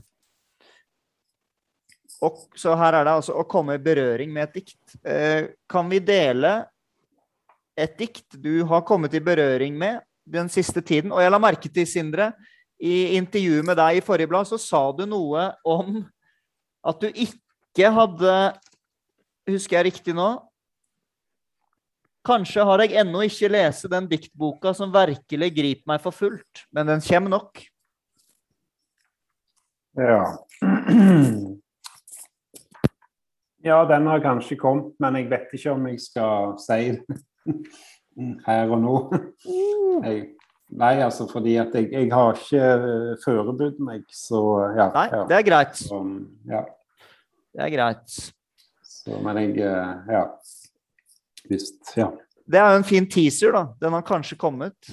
Ja. ja. Ja. Men hva med er det, no, altså, er det, noen av dere som har noen på tungen som dere har lest um, i det siste, som grep dere? Jeg tenkte det gikk an å lese det opp, jeg. Å, gjerne. Gjerne. Ja. Um, jeg har et par diktsamlinger som jeg har stående som jeg drev og leste på i et år, litt sånn om igjen. Um, og en av dem er den her, 'American Sonnets for My Past and Future Assassin' av Terence Hayes, som kom ut i 2019. Der diktene er henvendt til um, Donald Trump. Um, som høres litt sånn gimmickaktig og litt plumpt ut, men um, det tar ikke noe vekk fra poesien. Så er det et av de diktene her leste denne uka. Tenkte jeg det var veldig fint å dele nå. American Sonnet for My Past and Future Assassin. In the saddest part of the story, the brother says to the muse of his heartache, Don't you ever come near my grave. The saddest scene is where the daughter's ghost says to the mother, Don't come near my grave. The frail speckled shell says to the shy yoke it meant to protect, but only held captive, Don't you ever come near my grave. The saddest part of the opera is where Frida says it to Diego.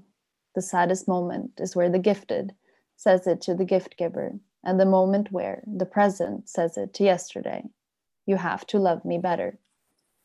The moment where the prisoner says it to the future and the pasture. The saddest part is where the dirt says it to the seeds and the flowers above the grave. Det. Mm. Ja. Du, eh, takk for det, det, der. Skal jeg avsløre at mens du leste nå, så kjøpte jeg den boken på Amazon med one click-funksjonen. Ikke kom her og si at ikke kapitalismen har bidratt med noe. Jeg har ikke kjøpt den på Tronsmo, Sagene bokhandel eller Bislett Bok, det beklager jeg, men nå er den på vei til min postkasse. Du, jeg, jeg ble solgt. You had me at hello. Den, tit den tittelen var fantastisk. Jeg er veldig glad i sonetter, da. Og mm, Så Nei, men herlig. Skal jeg lese en sonette, da? Ja. Jeg leser Osmandies, for det er det jeg har lest eh, i det siste. Eller jeg har lest masse dikt fra romantikken, men det var det som lå her. OK. Ok. Um, I met a traveller from an antique land who said, Two vast and trunkless legs of stone stand in the desert. Near them, on the sand, half sunk, a shattered visage lies, whose frown and wrinkled lip ensnare a cold command tell that its sculpture, well those passions read, which yet survive, stamped on these lifeless things, the hand that mocked them, and the heart that fed. And on the pedestal these words appear My name is Osmandius, king of all kings. Look on my works, ye mighty and despair. Nothing beside remains, round and decay of that colossal wreck, boundless and bare. The lone and level sands stretch far away. Der har du Han du akkurat kjøpte bok av, Jonas. Å, er det samme? Terence Hayes? Nei, jeg snakka om Jeff Bezos. King of all kings. Jonas. Du får, du får tenke litt på det. Du får eh, lese på nytt. Ja. OK, OK. Jeg skal tenke. Tenk du, tenk Det var litt for gå- gåtefullt. Men OK, men eh, Altså, jeg, jeg, jeg skal ikke lese noe dikt for dere, men jeg sa det til dere før vi begynte å ta opp, at jeg, jeg leste et utrolig fint dikt i dag på Facebook, faktisk. Det kom sånn suggestion. Og så Det var jeg, lurer på om hun het Owens, hun poeten, men jeg finner det ikke igjen. Men jeg skal lete litt mer. Men det, jeg vil bare nevne det. Det grep meg. Det var veldig vakkert. Det var satt sammen med et maleri som også det traff bare på en eller annen måte. Men, men. Eh, Roskva, har du noe, eller? Jeg har noe Jeg tenkte kanskje jeg skulle lese Jeg har egentlig to alternativer. Ja. Eh, men jeg tenkte jeg skulle lese Jeg leser i hvert fall det første. Ja. Eh, og det er et dikt av Karin Haugane, i og med at jeg nå er liksom dypt nede i hennes eh, forfatterskap. Eh, og jeg følte at det var litt relevant for samtalen. Eh, jeg skal kanskje ikke si noe mer eh, før jeg leser det, men kanskje vi kan snakke litt om det etterpå hvis noen føler seg kallet. Det er et slags kjærlighetsdikt. Allerede da du satt i stolen midt imot, og jeg drakk av blikket ditt en første gang, ble jeg forskrekket over hva jeg tenkte. Hvem av oss skal først gå uten skygge? Gråten presset seg opp, jeg skjøv den ned. Renset meg og drakk nærværet ditt opp. Ble dratt mot en lyst kledd, mager skikkelse. Alvorsfylte ord til meg slo mot rota. Det var sommer, luktet rent i rommet. Musikk og god mat. Du satt rolig. I stolen stilte meg mange spørsmål. Når jeg som vinden kan talte i tunger, satt du natta ut for å løse gåten. Spør meg, er det slik ved frokosten?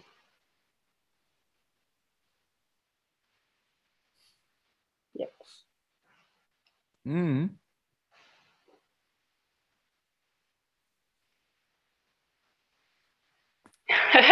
En lang litt, sånn- litt, litt, et par sekunds stillhet men det, det er ikke frykt Det er ikke frykt som gjør at vi er stille. Det er altså, Det så ikke ut som det var frykt i ansiktene deres. Det var med andakt, tror jeg, Ja. og, og skjønnhet.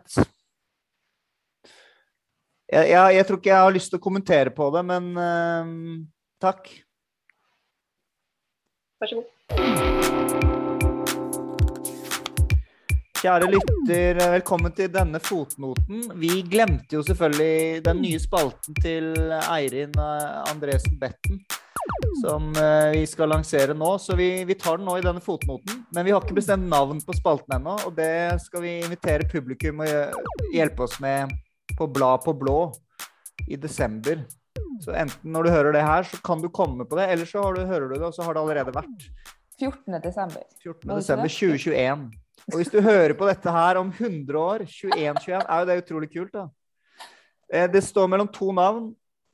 André, Eirin Andresen Betten på Pletten. Hva? Eller er du kresen, Eirin, Eirin Andresen? det ene er det vi de er så ille begge to. Eller noe annet. Eller noe annet. Åh, jeg, som har sagt, jeg legger meg ut av det. Det får dere avgjøre. Det er okay. noen andre som skal få avgjøre hva den spalta skal få het. Eh, Ja. OK, da kjører vi. Da kjører vi. Ja, det er jo ikke et overraskelsesspørsmål per se, men um, kunstig intelligens inntar jo um, kunsten òg. Og ehm, et, de forsker nå på om de kan få, i England spesifikt, da, det er det forskninga er kommet ut av, om de kan få eh, en kunstig intelligens til å skrive like bra poesi som mennesker. Og de har Så jeg skal lese to dikt til dere. Og så skal dere få lov til å avgjøre hvilke som Oi. er skrevet av et menneske, og hva som er skrevet av en AI, eller en KI.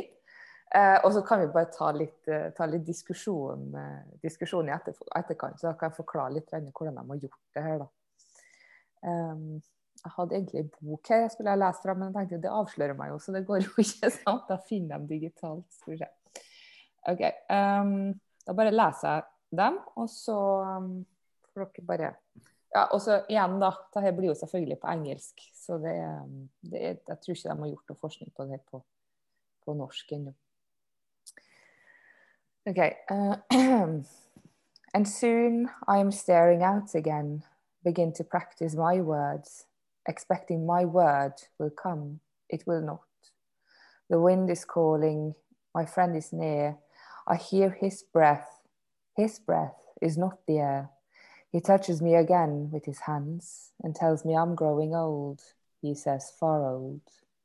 We travel across an empty field. In my heart, there is nothing in the dark, I think, but he. I close my eyes and try to remember what I was. He says it was an important and interesting day because I put in his hands one night the box of light that had been a tree. Or dict nummer two. Although you sit in a room that is grey, except for the silver of the straw paper and pick at your pale white gown, or lift one of the green beads of your necklace to let it fall, or gaze at your green fan printed with the red branches of a red willow, or with one finger move the leaf in the bowl, the leaf that has fallen from the branches of the forsythia beside you. What is all this? I know how furiously your heart is beating. Så ene AI, ene menneske. Ok, Men hva betyr egentlig det at det er skrevet med kunstig intelligens? Altså, Det er, de har fora du har, Hvis du skal trene en AI, da, mm, så har du en input. Det som er oppskrift av helt enkelt forklart. Du har en input der du fòrer den med all den dataen eller informasjonen du trenger. Og så settes det på en måte sammen, og så får du en output. Og output, så tenk deg hvis du skal lage ei kake, så er alle eh, alle ingrediensene inputen, og så bakes den sammen, og outputen er selve kaka. Så her skal de her er outputen og få AI-en til å sette sammen helhetlige setninger. mm. Og for å gjøre det, så har de fora den, eller i inputen så har de fora den med omtrent en halv million verselinjer fra eh, britiske eh, lyrikk. Og, eh, og sikkert amerikansk blant, eller engelskspråklig. Og så har de eh, på en måte Når den begynner å virke sammenhengende, da, så har de funnet ut hva er det som funker og ikke funker. Så de har på en måte fjerna og fjerna og det som ikke funker, over tid. Så det vil si en viss type språk, eh, fremmedord, eh, ting som gjør det vanskelig å skape mening, setningsstruktur som er veldig fremmedgjort, som ikke danner ordentlige setninger. Og så, eh, når de har funnet ting som fungerer, så kjører de det inn i inputen igjen, og så jobber maskinen på nytt og på nytt og på nytt. Og på nytt. Og så er outputen til slutt da, For Ja. Poenget med A- en er jo det som kalles egentlig for en sånn Det er jo en ganske god AI, men det er fortsatt en svak AI, for at den har bare et formål. Og det som er um, Hvis du skal virkelig en, en virkelig smart kunstig intelligens, altså en AGI, en Artificial General Intelligence, den lærer å lære seg sjøl, og det er jo det de jobber, på, jobber med nå, da. Å få maskiner til å selvprodusere poesi, fordi at inputen har vært så store mengder data at den vil forstå hvordan lyrikk skrives. Og ta er jo sånn litterært sett ganske eksistensielt, da. Men ett av de her diktene Ikke var si det. Jeg, og den andre var Jeg, jeg likte det første diktet best. Mhm, Ja, det gjorde jeg òg.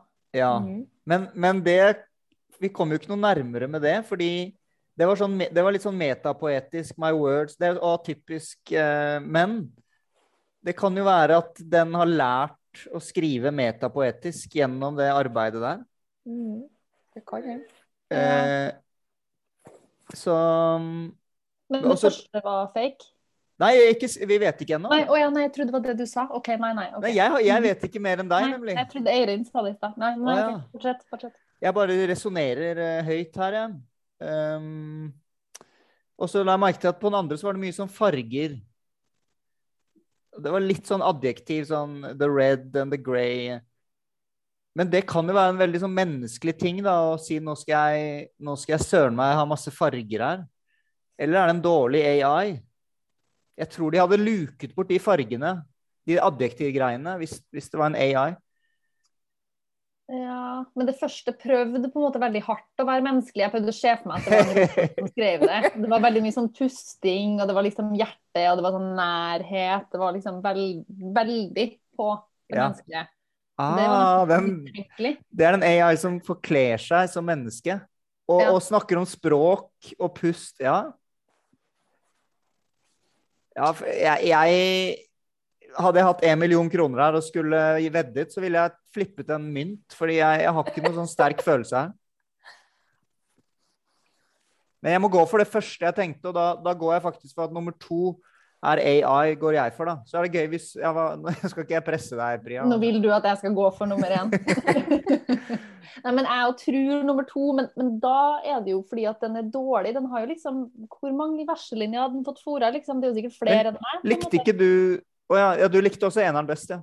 Jeg har likt eneren best, ja, men det Ja. kan også være litt, for man blir jo litt sånn sliten av å, å høre Ja. opplesning også, det er jo, preger jo på en måte. Sant nok. Uh, men ja. Men ja, kanskje OK, jeg tipper at det er én, bare for sakens skyld. At da blir Ok, litt dynamikk ok. her. Ja. Skal vi avsløre? Ja, Det første er kunstig intelligens.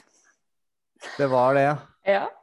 Og det andre er Grey Room av Wally Stevens fra 1917.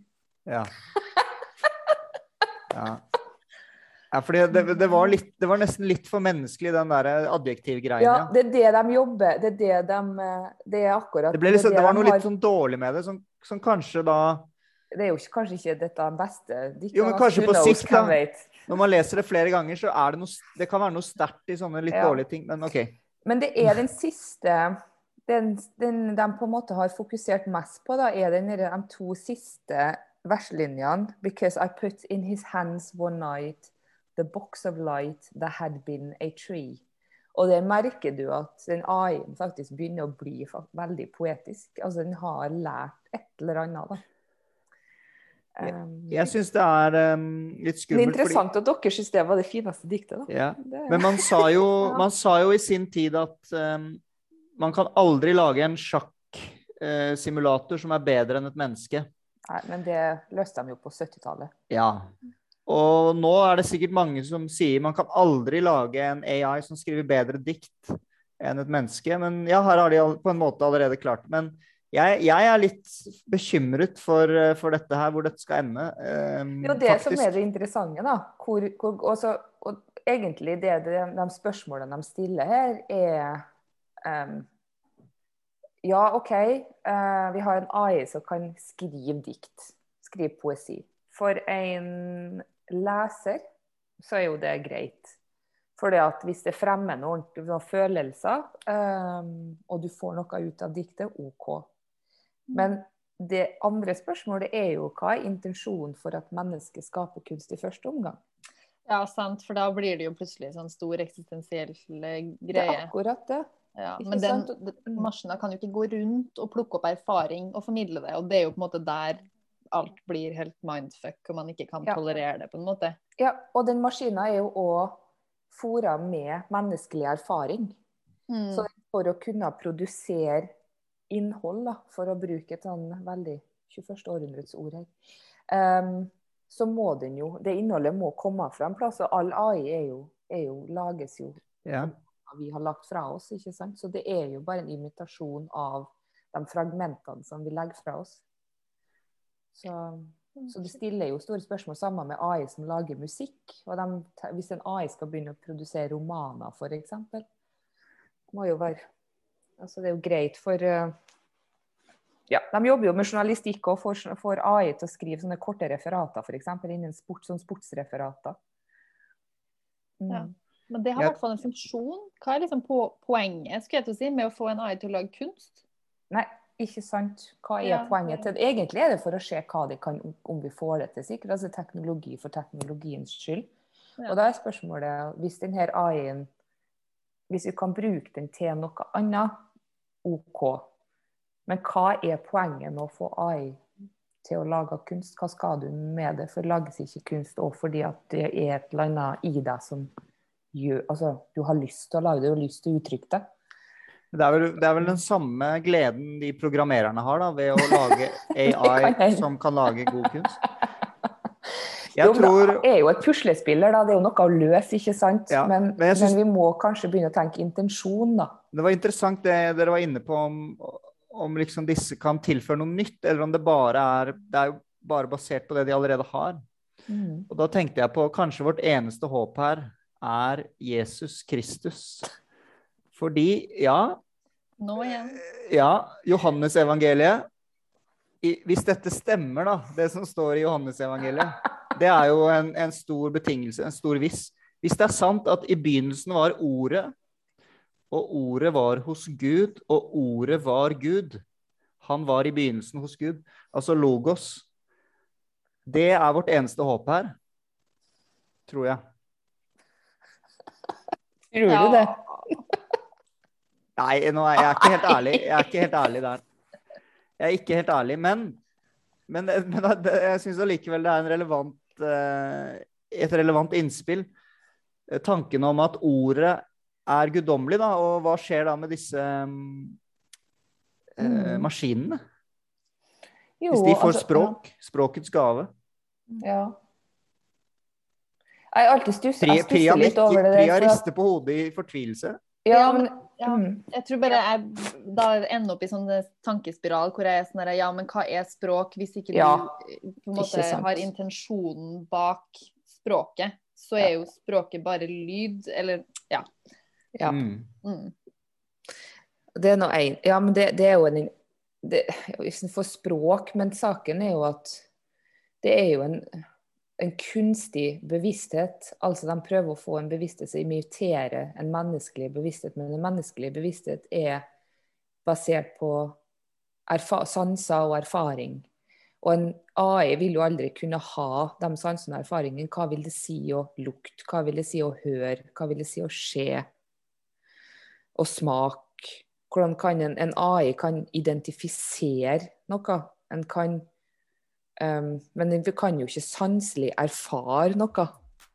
Sant? Sånn at her har du helt Du har noe sånne Ja, vi lager ting som ligner på det menneskelige systemet, men um, det vil jo være en helt annen bevissthet, for den AI-en vil jo oppfatte ting helt annerledes enn det vi gjør, kun basert på den måten den er koda på. Så den bevisstheten er jo ikke en menneskelig bevissthet, det er en ny form for bevissthet. Og dermed så kan vi ikke snakke om at den er Den er jo ikke menneskelig, den er jo langt fra menneskelig. Vi tar samme rekkefølge. Nå er jeg spent, eh, Priya. Ja, eh, følte litt sånn press på at man skulle lese noe poesi, så tar jeg frem bl.a. den siste diktsamlinga jeg har lest. Eh, jeg har gjort sånn prosjekt ut av å lese mine meddebutanter for året innenfor lyrikken. Så har jeg lest Stina Vogt sin 'Med hvordan skal jeg gråte når det blomstrer så voldsomt langs veiene'. Ja. Mm. Som er en sånn diktsamling eh, som tar for seg tre, tre generasjoner med kvinner i et hus. Og så er det et veldig sånt eh, Ja, hva skal man kalle det, da? Eh, det er mye velur, og det er mye neon, og det er mye sånn fråtsende billedspråk. Hvordan kommer velur til uttrykk eh, i diktene? Altså, det er mange ting laga av velur, sånn som jeg husker det. Ja. Mye som lyser og glinser og Ja. Det er veldig sånn overdådig. Ja, Tittelen er jo sånn man legger merke til. Mm. Så det er seneste på poesifronten. Og på prosafronten så har jeg plukka med meg 'Makta' av Heidi Furre. Hurtiglån på Deichman, sier jeg. Hurtiglån på Deichman. Eh, og det tror jeg jeg skal nå, for den er veldig kraftfull og veldig sånn myndig fortellerstemme. Så jeg begynte liksom å lese inn på vei hjem fra Deichman, sånn gående hjemover. Herlig. Mm. Ok, Sindre, hva med deg? Hva leser du for tiden? For tiden så holder jeg på å lese Rød selvbiografi eh, av Anne Carson i Tone Hødnebø sin gjendiktning. Og Er Ja. dere ekte mennesker? Dere er jo perfekte på alle måter. Tidsskriftsredaktører og leser fantastiske bøker. ja, det er, en, det er jo en veldig interessant bok, da. Så jeg har jo, jeg har jo ikke lest den tidligere på engelsk. Så eh, Og det, det er jo en eh, Ja. Det, det, dette er jo en versroman, og, men det er jo en veldig sammensatt tekst da, som gjenforteller eller gjendikte myter om Herakles. Og utgangspunktet er jo noen fra fragmenter etter eh, Stesikoros.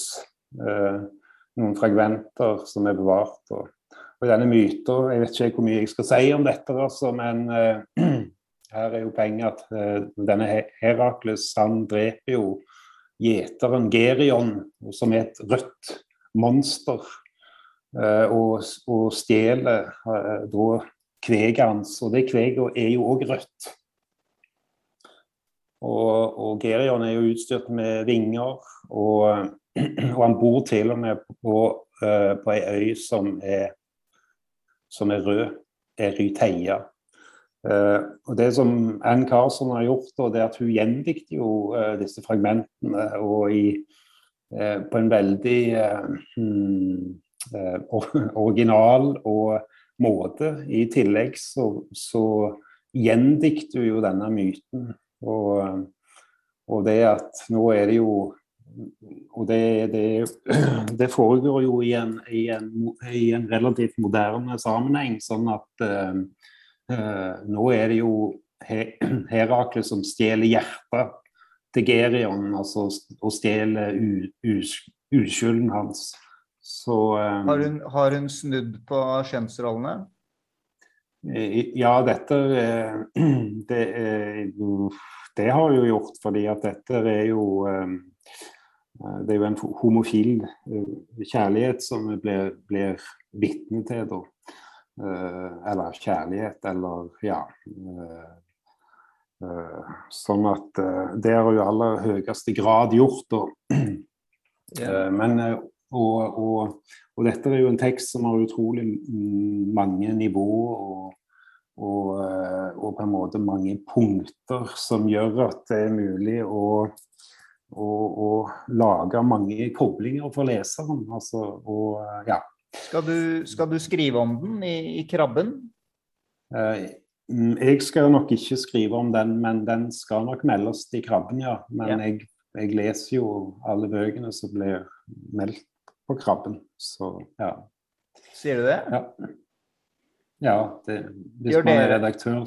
Ja, Så må kan, man jo men det. Roskva, ser du alle filmer som blir anmeldt? Uh, nei, ikke alle som blir anmeldt, men jeg ser jo stort sett de jeg skal redigere. Vi er tre redaktører. Ja, ja, ja. Så Heftig. Mm. Og Priya, jeg du jeg skal redigere tekstene til, men jeg, jeg ser ikke alt som Nei, skrives nei. om. Jeg vet ikke hva, hva Abiviakti egentlig driver med. Nei, vi driver ikke så mye med kritikk, men jeg er jo også en av to kritikkredaktører i Fett. Eh, Men som jeg, du er redaktør der òg? Ok. Ja. må jeg skamfullt innrømme at jeg ikke pleier å lese alle bøkene vi Nei. melder. Nei. Nei, men eh, det var jo i hvert fall eh, betryggende å høre at krabben, eh, krabbens redaktør da, har full oversikt. Ja. Ja. Mm. OK. Roskva, hva leser du for tiden, da? Jeg leser rett og slett nesten hele Karin Hauganes sitt eh, forfatterskap. Eh, Ja. og det er jo bare tilfeldig, for nå virker det som om jeg ikke gjør annet enn å lese poesi. Eh, og det er ikke sånn at jeg gjør det egentlig hele tiden, men eh, nå skal jeg ha en samtale med henne på biblioteket eh, om to dager. Oh, ja. Så da har jeg prøvd å i hvert fall lese det meste hun har skrevet de siste 20 åra.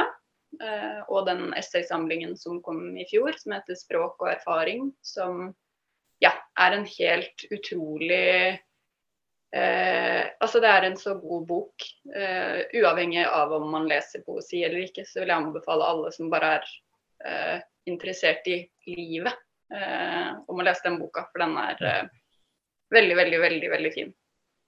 Eh, og så leser jeg en annen bok som heter 'Mysticism, Christian and Buddhist' av Daisets Taitaro Sutsuki. Eh, Som er en av de som er kjent for å ha liksom ført buddhismen fra øst til vest eh, på sånn starten av 1900-tallet. Og det er da en sammenligning eh, mellom buddhisme og mystikk, men mer spesifikt så er det en sammenligning av meister Eckharts eh, teologi, eh, gudsforståelse og zen-buddhisme. da. OK. Yes. Får du, ehm, får du noen mystiske erfaringer av å lese det? Ingen kommentar. Mm, mm. Liker det jeg hører. Eirin, hva leser du? Eh, Jeg har, jeg leser på liksom flere nivå for tida. Um, jeg forbereder meg til pod, så jeg har lest Priya sin diktsamling. Så jeg er ikke helt uh, ferdig med ennå. Og så 'Mine menn' av Victoria Kielland har jeg akkurat begynt på, så jeg får prøve å få lest den ferdig i helga. Og så leser jeg 'Klara og solen' av Ishiguro, for jeg prøver å finne ut hvordan andre forfattere løser eller hvordan forfattere løser det å skrive om en kunstig intelligens som har gått fra å være en AI til en AGI, altså til en Artificial General Intelligence. Ehm, jeg vet ikke egentlig om jeg er sånn veldig imponert ennå. Jeg har lest to tredjedeler av boka. Den er for menneskelig. Syns det ser ut som Priya også har lest boken, men leser jeg Ja. kroppsspråket riktig? Ja. Har du Ja. lest den? Ja. Jeg har lest den, og så tenkte jeg Jeg syns det første kapitlet som er i den dukkebutikken, da fikk jeg sånn antikk dukkefølelse. Eh, men jeg, ja, jeg er enig i konklusjonene dine. Jeg syns det Det blir er veldig menneskelig utover. Ja, til den grad at du Den imiterer mennesket for mye, på en måte. For det er jo tross alt ikke det det er. Det er jo en det de prøver å få til å etterligne menneskelige, det menneskelige nevroner som er gjennom nevrale nettverk. Um, og så leser jeg 'Orlando' av Virginia Woolf på toppen av det. Som du skal lese høyt fra etterpå. Nei, jeg skal ikke lese høyt fra den i dag. Ok, okay. Ok, skal vi gå videre nå, eller er det noe. Ja, men er det noe vi har glemt, kanskje, før vi går videre? Ja, hva, hva leser du, Jonas? Yes. Takk. Jeg leser altså, Jeg har ikke lest i denne boken siden forrige gang, men det er fortsatt Marcel Proust på sporet av den tapte tid, del to. Jeg, jeg sitter bom fast. Er det du der vi var i august? Ja, ja. Men jeg nekter å gi opp, og jeg skal igjennom Men det, ble, det sluttet å bli gøy. Jeg vet ikke hva som skjedde. Men jeg, jeg, jeg bare nevner den. Men jeg har lyst til å si én ting til som har snudd opp ned på mitt verdenssyn. Og det er en bok. Apropos mystisisme, Roskva. Altså, jeg forvillet meg inn på YouTube i noe som heter Christ Myth Theory som er tanken om at Jesus aldri var en historisk person.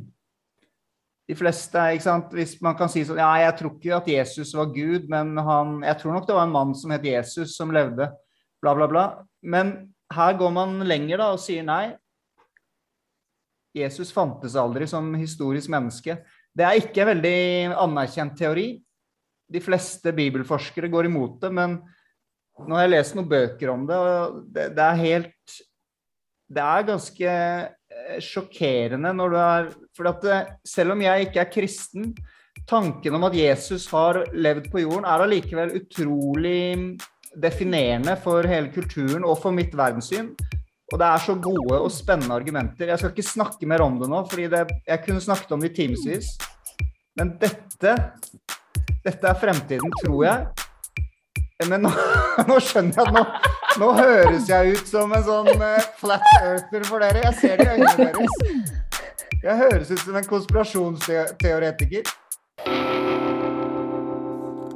Ok, da. Eh, det begynner å bli sent. Eh, dette her syns jeg er det Bladpodden på sitt beste, faktisk. Jeg har lyst til å avslutte med en liten Kahoot, ja. Kan vi gjøre det? Det, det, det er sånn lang... internettquiz? Ja. Jeg tror, jeg tror vi, vi, kan prøve, se om vi klarer det. Det er ikke sikkert det går. Teknikken blir for vanskelig, men vi prøver. Jeg kommer nå til å dele min skjerm, og så må dere tror jeg åpne en annen fane, og så må dere gå inn på kahoot.com, tror jeg. Altså, du holdt på med, med elevene dine under pandemien, Jonas? Jo, jeg gjorde masse, men nå er det så lenge siden. så jeg skal plage oss med Kahoot nå. Men den er ikke lang. Kahoot.com. Men da deler jeg min skjerm, og så ser vi hvordan det går. Har du, uh, har du gjort det før, Sindre? Ja, jeg har faktisk det. Kahoot.it er det vel? Vi prøver. Ja. Mm. Det er så, som jeg sier til elevene, det er ikke jeg som har laget den. fordi man, det er så mange kahooter der. Så jeg kan ikke ta 100 ansvar, men uh, jeg tror den ser OK ut. Skal vi se. Share screen.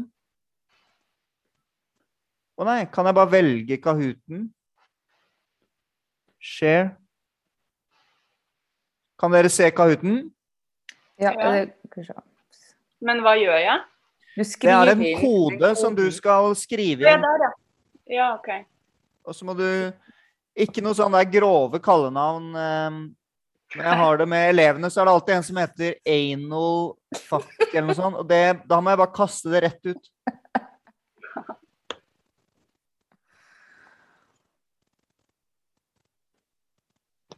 Honecker, jeg syns det høres litt grovt ut. Hva er det? Nei, det er Honecker. Erik Honecker. Han var jo generalsekretær i, i det der. herlig, herlig. OK, vi er eh, klare. Lyrikk. Jeg får lese spørsmålene til lytterne. Quiz. Er lyrikk skjønnlitteratur eller sakprosa? Jeg får ikke opp ja, alternativet. Der, ja. Der, ja. Jeg, jeg, får bare opp to symboler, jeg. Ok, Rød er skjønnlitteratur, og blå er sakprosa. Så må du trykke på den. Ja. Alle fikk riktig. Bra. At det går på tid òg der, ja. E, det er Eirin, leder. Foran uh, Honecker, foran Priya, foran Ross. Er det Ross fra Friends, eller er det Det er Ross fra, fra Friends, ja. Ja. Neste spørsmål. Hvilken av disse uttrykkene er en metafor? Du er som en sol, hjertet mitt banker, det var en pyton-dag.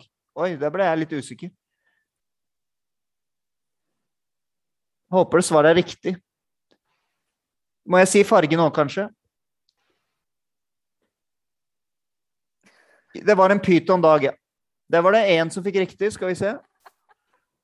Right. Litt foruroligende med såpass mange forfattere, men uh, ja, ja. Ross går opp i ledelsen. Yeah. Neste spørsmål. Hva er motivet i dette diktet? Verdens minste hund. Søv i ei fyrstikkørse. Likevel har han sitt eget skrivebord og fikk navnet sitt i avisa da han løste mysteriet. Og med den usynlige svinekoteletten. Og dette kan nok være til oppmuntring for somme. Er motivet en som er liten, en liten hund som har løst et mysterium, kjærlighet eller humor?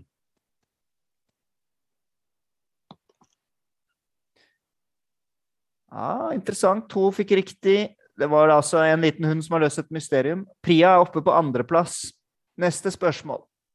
Er det bokstavrim eller enderim i dette diktet? Gi barnet rett til å leke og lære, til å drømme og forme, leve og være. Bare der hvor barn kan føle seg trygge, gror det som de gamle kalte for lygge, lykke. Bokstavrim, enderim, begge deler, ingen av delene. Neste spørsmål. Tre spørsmål til. Er dette en verselinje eller en strofe? Du var vinden, jeg er en båt uten vind, du var vinden. Var det den Lady jeg skulle? Nei, uff. Kven spør etter Lady når ein har slik vind?